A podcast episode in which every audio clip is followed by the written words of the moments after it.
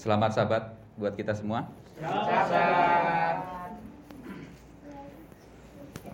Sahabat ini kita akan kembali belajar firman Tuhan bersama.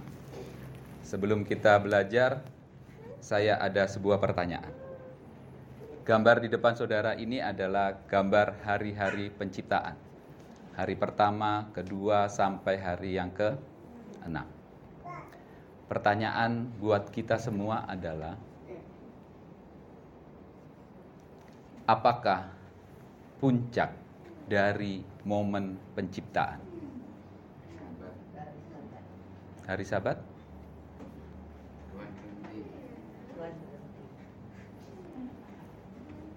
Ada yang punya pendapat lain?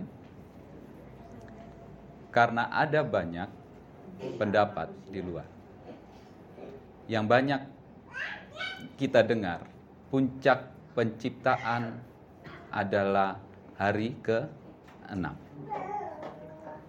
Hari ke-6 adalah mahkota dari karya Tuhan. Apa yang terjadi di hari ke-6? Hari ke-6 itu Tuhan merancang manusia. Alkitab mengatakan, "Mari kita membuat manusia yang segambar dan serupa dengan kita." Setelah dirancang manusia itu, manusia itu dijadikan.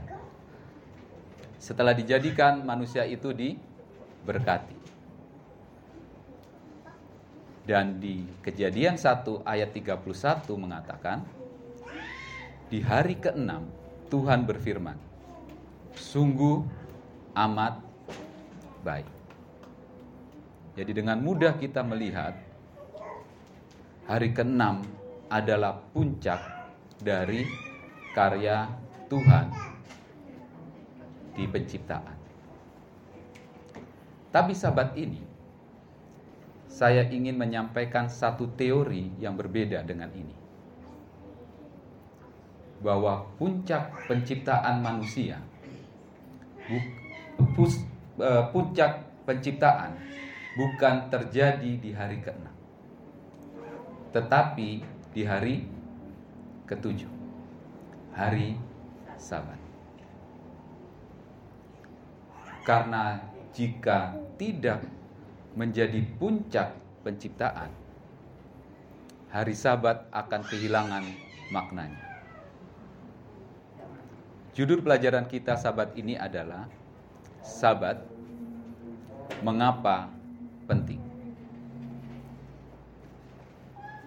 Sabat menjadi penting karena Sabat itu adalah puncak penciptaan. Sebelum kita menggali lebih dalam, Mari kita bersatu dalam doa kembali. Oh Tuhan di surga, kami bersyukur ya Bapa atas kesempatan di siang hari ini kami dapat mempelajari kembali firman Tuhan. Bukakan mata kami ya Bapa agar kami dapat melihat keajaiban-keajaiban firman Tuhan.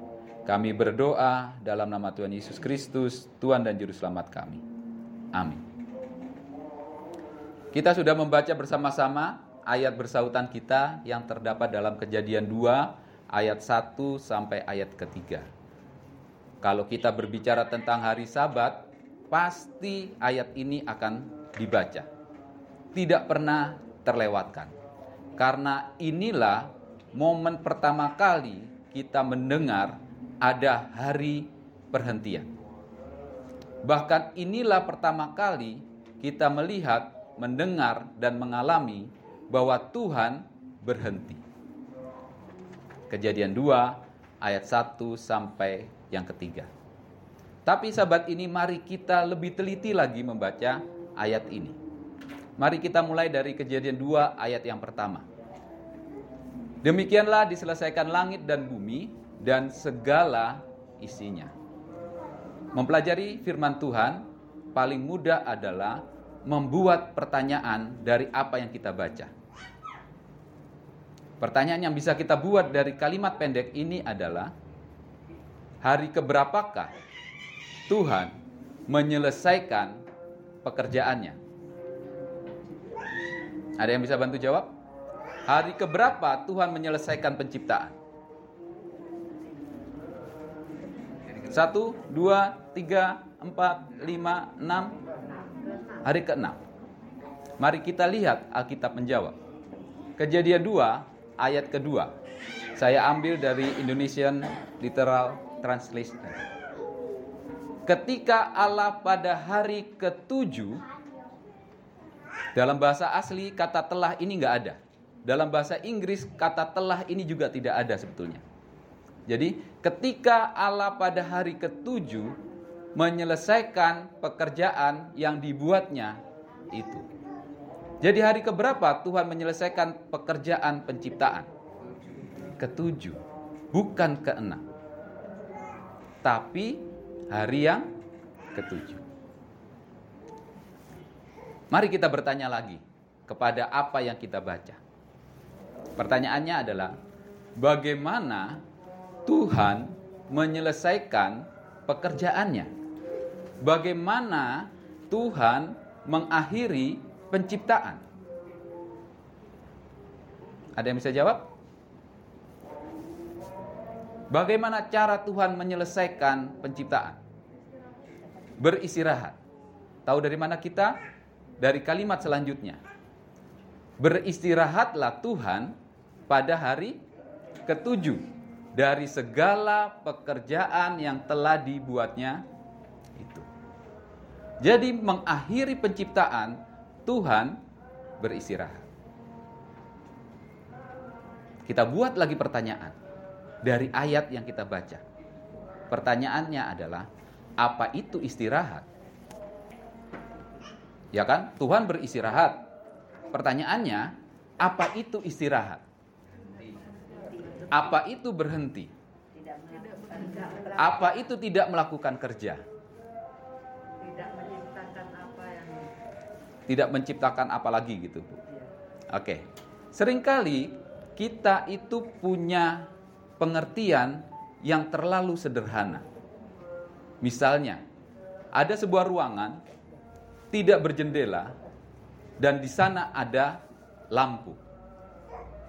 Ketika lampu itu kita matikan, ruangan itu menjadi gelap. Lalu kita bisa membuat sebuah kesimpulan sederhana. Apa itu gelap? Gelap adalah suatu keadaan di mana tidak ada cahaya. Ya kan? Begitu kan? Sekarang mari kita mendefinisikan kerja dan istirahat. Ini adalah model-model profesi. Ada tukang, dokter, akuntan, apalagi nih, chef. Ada banyak. Setiap orang melakukan pekerjaannya kita sebut bekerja. Lalu apa itu istirahat?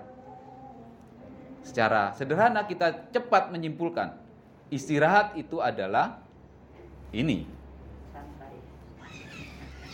Ya kan? Apa Bu Mai? Tidak melakukan sesuatu. Do nothing. Nggak melakukan apa-apa itulah istirahat. Kadang-kadang kita menyimpulkan bahwa istirahat itu adalah melepas lelah. Kadang-kadang juga kita menyimpulkan istirahat itu adalah self healing. Menyembuhkan diri. Lagi capek, lagi suntuk, lagi sumpek, istirahat. Istirahat itu juga keluar dari rutinitas. Kalau Pak Patre dari pagi sampai malam melayani di Pujasera, istirahatnya ya nggak melayani di Pujasera keluar dari rutinitas. Itu namanya istirahat. Istirahat juga bisa kita simpulkan, kita definisikan sebagai liburan. Kita yang bekerja enam hari lamanya atau lima hari lamanya kita bekerja, sebulan 20 hari atau 25 hari, untuk beristirahat kita butuh liburan. Istirahat itu identik dengan liburan. Bahkan tak sering juga, tak jarang juga maksud saya, istirahat itu kita identikkan dengan cara terbaik supaya kerja kita meningkat. Kerja-kerja-kerja terus, makin lama kerja kita semakin menurun. Tetapi kalau diselingi dengan liburan, kerja kita akan lebih optimal. Inilah definisi kerja yang secara cepat, secara sederhana bisa kita berikan. Mari kita kembali kepada penciptaan.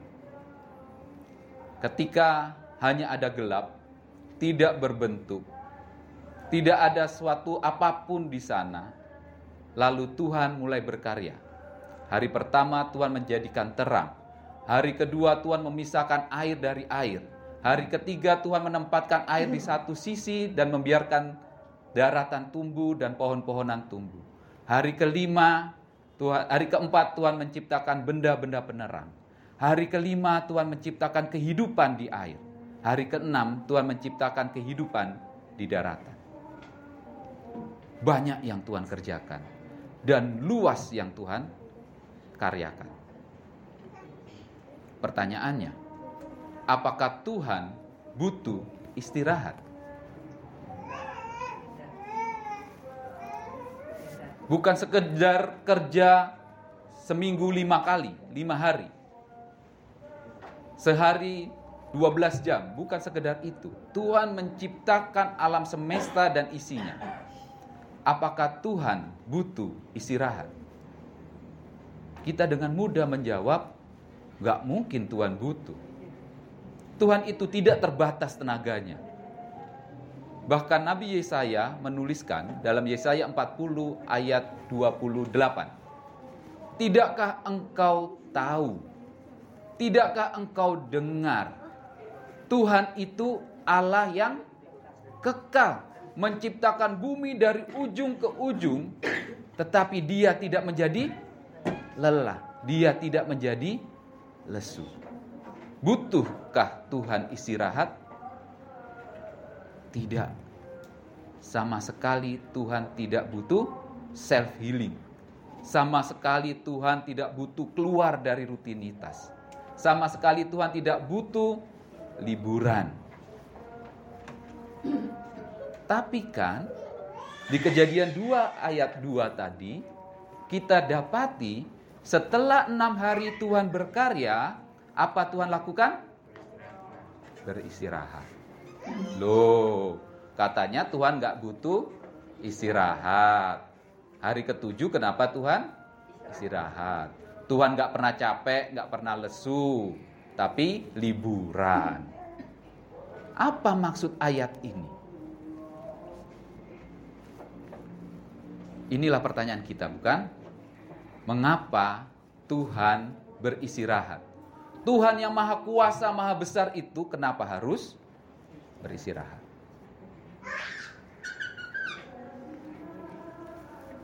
Mari kita lihat lebih teliti lagi kejadian 2 ayat 2. Ada dua fakta yang disampaikan di ayat ini. Apa yang Tuhan lakukan di hari ketujuh. Dari kejadian 2 ayat 2, kita dapati yang Tuhan lakukan di hari ketujuh adalah menyelesaikan penciptaan. Itu fakta pertama. Fakta yang kedua, kita dapati dari kalimat terakhir. Apa yang Tuhan lakukan di hari ketujuh? Tuhan beristirahat. Maka kita bisa simpulkan sebetulnya istirahat yang dilakukan Tuhan pada hari ketujuh adalah menyelesaikan penciptaan. Istirahat bagi Tuhan bukan tidak melakukan apa-apa, tetapi do something, menyelesaikan pekerjaan. Apa maksudnya? Kalau kita perhatikan kejadian 2 ayat 1 sampai 3, ada satu kata yang selalu terkait dengan kata istirahat. Kata itu adalah pekerjaan. Ada tiga kali di tiga ayat ini muncul kata pekerjaan. Sekedar pengetahuan saja, di dalam bahasa Ibrani ada dua kata yang dipakai untuk kata pekerjaan. Yang pertama adalah avoda. Avoda ini adalah segala macam pekerjaan. Menggali tanah itu avoda, menggendong anak itu avoda, menyanyi itu avoda, segala pekerjaan itu avoda. Lalu kata kedua adalah melaka. Di kejadian 2 ayat 1 sampai 3, setiap kali muncul kata pekerjaan yang dipakai adalah kata melaka, bukan avoda. Jadi apakah melaka itu? Kalau kita mau tahu apa itu melaka, mari kita lihat apa yang dilakukan Tuhan di hari penciptaan. Karena itulah melaka. Mari kita lihat sama-sama. Dari tujuh hari penciptaan,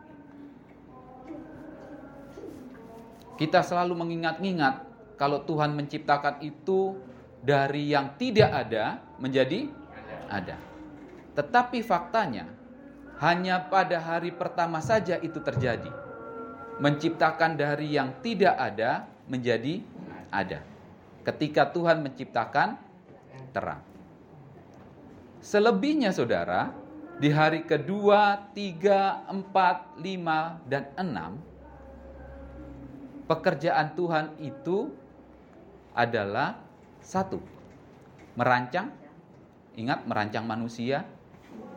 Yang kedua, memodifikasi, memisahkan air dari air yang di atas dengan air yang di bawah, menempatkan air di satu sisi sehingga daratan itu keluar. Yang ketiga, Tuhan menempatkan. Menempatkan benda-benda penerang, memposisikan di posisi yang pas dan membentuk. Inilah pekerjaan Tuhan, membentuk kehidupan keluar dari air, membentuk kehidupan keluar dari daratan.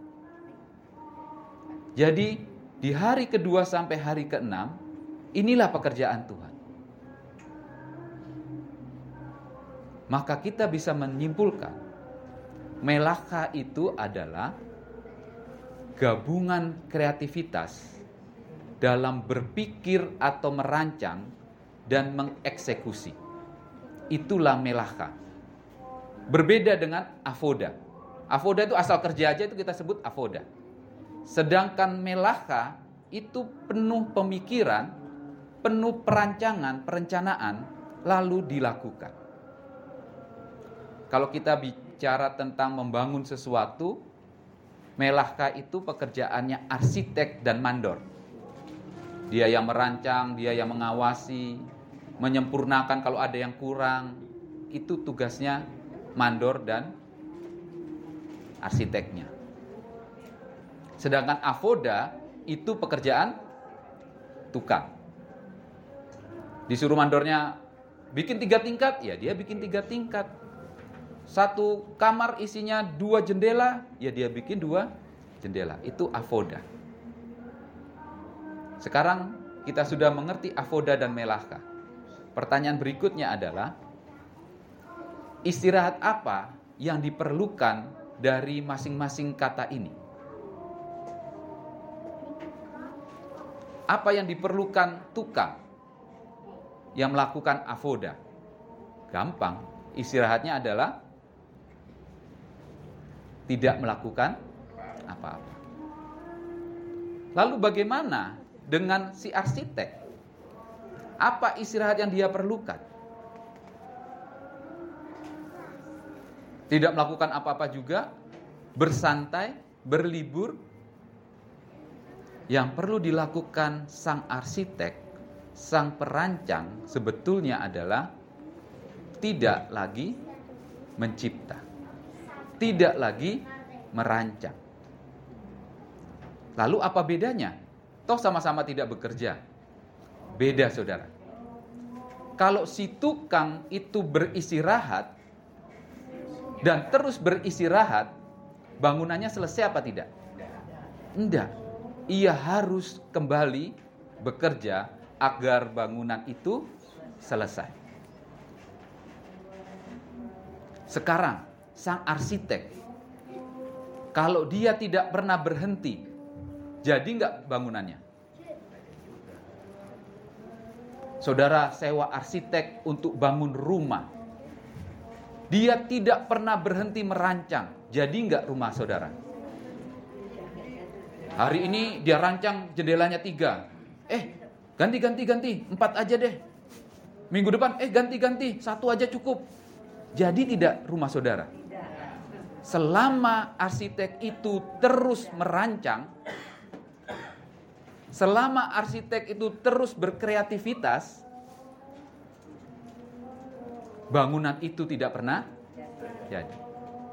Bisa kita lihat bedanya? Kalau avoda itu harus berhenti, tidak boleh lama-lama berhentinya, harus kembali bekerja supaya tugasnya selesai. Tetapi kalau melaka harus berhenti total. Jangan lagi berkarya. Kalau enggak ganti terus rancangannya, tukangnya bingung. Lima tahun rumah kecil cuma tiga kali tiga meter mungkin nggak selesai-selesai. Inilah bedanya melaka dan avoda. Avoda itu berhenti dan harus kembali bekerja, sedangkan melaka harus benar-benar berhenti. Tidak menciptakan sesuatu apa pun. Mari kita kembalikan pada dunia penciptaan. Tuhan sang arsitek. Apa yang harus ia lakukan dalam istirahat? berhenti menciptakan seperti kata Bu Mei tadi di awal. Tuhan itu harus berhenti menciptakan. Kalau tidak, diciptakan terus. Pertama manusia matanya dua, kurang sempurna bagi Tuhan dikasih tiga, kurang banyak kasihnya kasih seratus. Eh kebanyakan, kurangi jadi 80. Nggak selesai-selesai namanya manusia. Tuhan harus berhenti. Ketika Tuhan berhenti sebetulnya yang terjadi adalah Tuhan menciptakan makhluk ciptaan yang mandiri. Setelah menciptakan makhluk yang mandiri, maka Tuhan bisa berhubungan dengan ciptaannya. Pencipta terhubung dengan ciptaan, ciptaan terhubung dengan pencipta. Ketika Tuhan beristirahat, Tuhan sedang menciptakan relationship, hubungan. Saya akan menjelaskan dengan sebuah analogi, sebuah contoh di kehidupan kita sehari-hari. Saya dan istri saya adalah pencipta kecil di dunia ini. Mengapa saya menyebut diri kami pencipta? Karena kami di tahun 2011 memiliki seorang anak laki-laki bernama Naruto. Tugas kami pencipta adalah membangun, membentuk kepribadian Naruto. Apa yang kami lakukan? Yang sederhana. Mulai dia bisa makan yang kasar, kami menyuapi dia makan. Bukan cuma sekali. Di usia setahun dua tahun menjelang tahun kedua kami tetap menyuapi dia makan. Bahkan di umur tiga dan empat kami tetap menyuapi Naruto makan. Karena kami sedang membangun pribadi Naruto ini. Tapi saudara, coba bayangkan kalau sampai hari ini umur 11 Naruto masih tetap saya beri makan, suapin. Digigit tangan saya katanya Bumi. Sampai umur 30 tahun kami berdua tetap menyuapi Naruto makan. Sampai umur 50 tahun kami tetap menyuapi dia makan. Apa yang terjadi di kehidupan Naruto? Eh, tidak mandiri. Eh, bukan itu saja yang kami lakukan. Baju pun kami pilihkan sampai dia tua. Pilihan hidup mau ke kanan apa mau ke kiri, kami yang pilihkan. Apa yang harus ia katakan, kami yang pilih kata-katanya. Kapan dia ketawa, kami tentukan waktunya. Kapan dia bersedih, kami tentukan jamnya. Apa jadinya Naruto? saya sedang menghancurkan kehidupan seorang manusia. Foto-foto berikut ini adalah foto-foto hubungan Naruto dengan orang tuanya. Hubungan Naruto dengan teman-teman sebayanya di Pathfinder, di Adventurer. Hubungan Naruto dengan adik-adiknya. Dengan keluarga besarnya, kakyang niang opung-opungnya. Dengan om tantenya. Ini adalah foto-foto kenangan. Hubungan yang dijalin oleh Naruto. Dan foto ini akan terus bertambah jumlahnya, luasnya, dengan seiring bertambahnya usia. Tapi saudara, foto ini bisa ada karena apa? Karena Naruto itu orang yang mandiri. Dia menentukan pilihannya sendiri. Dia menentukan kapan ia harus tertawa, kapan harus dia marah, kapan harus dia bersedih. Jika Naruto bukan orang yang mandiri, foto-foto ini tidak akan pernah ada.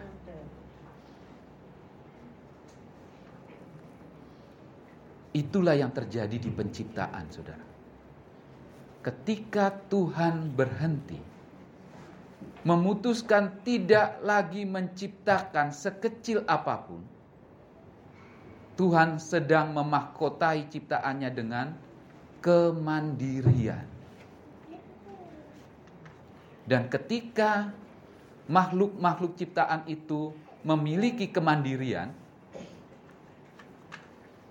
Tuhan bisa terhubung dengan mereka dan mereka bisa berhubungan dengan Tuhan. Terciptalah sebuah relationship. Terjalinlah sebuah hubungan.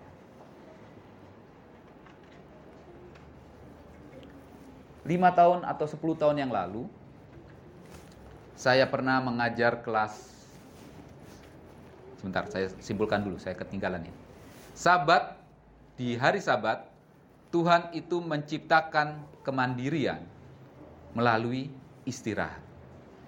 Bukan hanya kemandirian, Tuhan menciptakan juga relationship, hubungan ketika ia sedang beristirahat. Sepuluh tahun yang lalu saya kembali ke cerita saya. Saya sedang mengajar kelas adventurer atau pathfinder tentang penciptaan. Tentu kita akan mengutip ayat kejadian 1 ayat 31 dan kejadian 2 ayat 2. Kejadian 1 ayat 31 mengatakan hari ke-6 Tuhan berfirman, sungguh amat baik. Maka di kejadian 2 ayat 2 Tuhan berhenti. Saat itu saya menjelaskan kepada adik-adik kenapa Tuhan berhenti. Jawabannya adalah karena tidak ada lagi yang bisa ditambahkan ke dalam segala sesuatu yang sudah amat baik. Kalau kita ujian nilainya 100, tidak mungkin lagi guru menambahkan 101, 102, 105. Karena sudah sungguh amat baik. Itulah yang saya jelaskan. Tetapi belakangan ini setelah berulang kali membaca kejadian satu, saya mendapati ternyata ada banyak yang bisa Tuhan tambahkan setelah hari ke-6. Contoh, alangkah baiknya manusia itu bisa mempunyai kemampuan seperti cicak. Jadi tahu cicak? Apa yang hebat dari cicak? Hmm? dinding. Bukan masa manusia mau merayap di dinding, tidur di dinding, tidak. Merekat pada apa yang dia tempati. Merekat bukan. Kemampuan terbaik cicak adalah memutuskan ekornya lalu tumbuh lagi. Bayangkan kalau manusia punya itu, Saudara. Matanya rusak, buang aja, terus tumbuh lagi. Kan hebat. Ada banyak yang bisa dimasukkan ke dalam kehidupan manusia kalau Tuhan mau. Dan saya percaya Tuhan bisa. Jadi ketika Tuhan berhenti, bukan karena Tuhan sudah kehilangan akal. Oh, sudah nggak ada lagi nih, sudah bagus nih. Bukan. Jawaban satu-satunya kenapa Tuhan berhenti adalah kalau dia terus, terus, terus, dan terus mencipta, maka akan menemukan bumi yang seperti ini. Under construction. Sedang dibangun. Manusia yang sedang dibangun. Pohon yang sedang dibangun. Tidak pernah selesai. Itulah alasan mengapa Tuhan berhenti. Jadi kesimpulannya, sabat itulah puncak dari penciptaan. Kalau ada enam hari tanpa sabat, bumi tidak seperti bumi yang sekarang. Manusia tidak seperti manusia yang sekarang. Belum bisa ngapa-ngapain manusia, mesti dirancang, masih dibentuk, masih dimodifikasi, masih di otak-atik. Iya, betul Ibu. Jadi kita sudah bisa menjawab pertanyaan kita. Sabat, mengapa penting? Karena ketika tanpa sabat, makhluk ciptaan tidak punya kemandirian. Kalau tidak ada kemandirian, tanpa sabat, tidak ada relationship. Tidak ada hubungan antara Tuhan dengan makhluk ciptaannya. Tidak ada makhluk ciptaan yang terhubung dengan Tuhannya. Itu semua terjadi kalau ada sabat hari ketujuh. Saya mau masuk ke epilog, penutup dari pelajaran ini. Keluaran 20 ayat 8 sampai 10 adalah permohonan Tuhan kepada kita umatnya. Ingatlah dan kuduskanlah hari sabat. Enam hari engkau boleh bekerja, tetapi hari ketujuh engkau harus berhenti dari segala pekerjaanmu. Baik itu anak saya, cucu saya misalnya, ternak saya misalnya, bahkan tamu pun harus berhenti. Pertanyaan dari hukum ini adalah apa yang Tuhan minta dari kita? Ada yang bisa menjawab? Bu Indra mungkin? Apa yang Tuhan minta dari Bu Indra dari hukum keempat Bu Indra? Iya, ada tiga hal sebetulnya. Satu, ingat hari sabat. Yang kedua yang dikatakan Bu Indra, kuduskanlah hari sabat. Yang ketiga, berhenti. Jangan melakukan pekerjaan. Pertanyaan berikutnya, apa yang perlu kita ingat karena Tuhan suruh ingat kan? Apa yang perlu kita ingat setiap hari Sabat? Jawaban ada di ayat yang ke-11. Ada empat hal yang perlu diingat di hari Sabat. Ayat 11 mengatakan Tuhan menjadikan langit dan bumi. Jadi kita harus ingat apa? Tuhan adalah pencipta alam semesta. Kalimat selanjutnya, Tuhan berhenti pada hari ketujuh. Kita sudah belajar tadi mengapa Tuhan berhenti. Apa yang harus kita ingat? Pencipta itu, pencipta alam semesta, Tuhan juga yang menciptakan relationship, hubungan. Itulah yang Tuhan ciptakan saat Tuhan beristirahat. Apalagi yang perlu kita ingat? Yang ketiga, Tuhan memberkati hari Sabat. Oh, Tuhan sangat senang begitu hari Sabat. Sehingga dia memberkati hari Sabat. Apa artinya? Ketika Tuhan senang pada hari perhentian, ketika Tuhan senang ketika ia menciptakan relationship, itu artinya Tuhan kita yang menciptakan itu sangat menyukai terhubung dengan makhluk ciptaannya. Tuhan sangat mencintai relationship.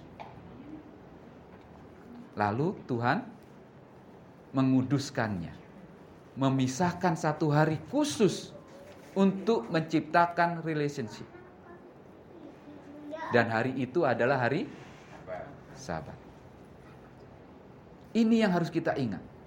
Tuhan pencipta alam semesta itu, Tuhan yang menciptakan relationship adalah Tuhan yang mau terhubung dengan kita manusia. Lalu pertanyaan berikut dari hukum ini. Bagaimana caranya kita mengingat dan menguduskan hari sabat? Cuma ingat-ingat Wah saya ingat Tuhan itu pencipta. Wah sudah berhari sabat kita. Bagaimana caranya? Mengingat merayakan hari sabat. Merayakan hari sabat. Oh makan di bawah kita nanti Bu Mei. Bukan Gitu. itu aja. Oh kan itu ada. Jadi menguduskan. Menguduskan. Bagaimana caranya kita menguduskan hari sabat? Jawabannya seperti kata Pak Pendeta tadi. Jangan melakukan sesuatu pekerjaan. Itulah cara saya dan saudara mengingat hari sabat. Itulah cara saya dan saudara menguduskan hari berhenti. Pertanyaan selanjutnya. Apa maknanya ketika kita sedang berhenti di hari sabat? Oh, itu kita maknanya sedang mengingat Tuhan. Itu maknanya kita sedang menguduskan hari sabat. Ada yang lebih dalam dari itu, saudara. Perhatikan contoh ini. Di hari ketujuh, kita tahu bersama-sama pencipta itu di hari ketujuh berhenti.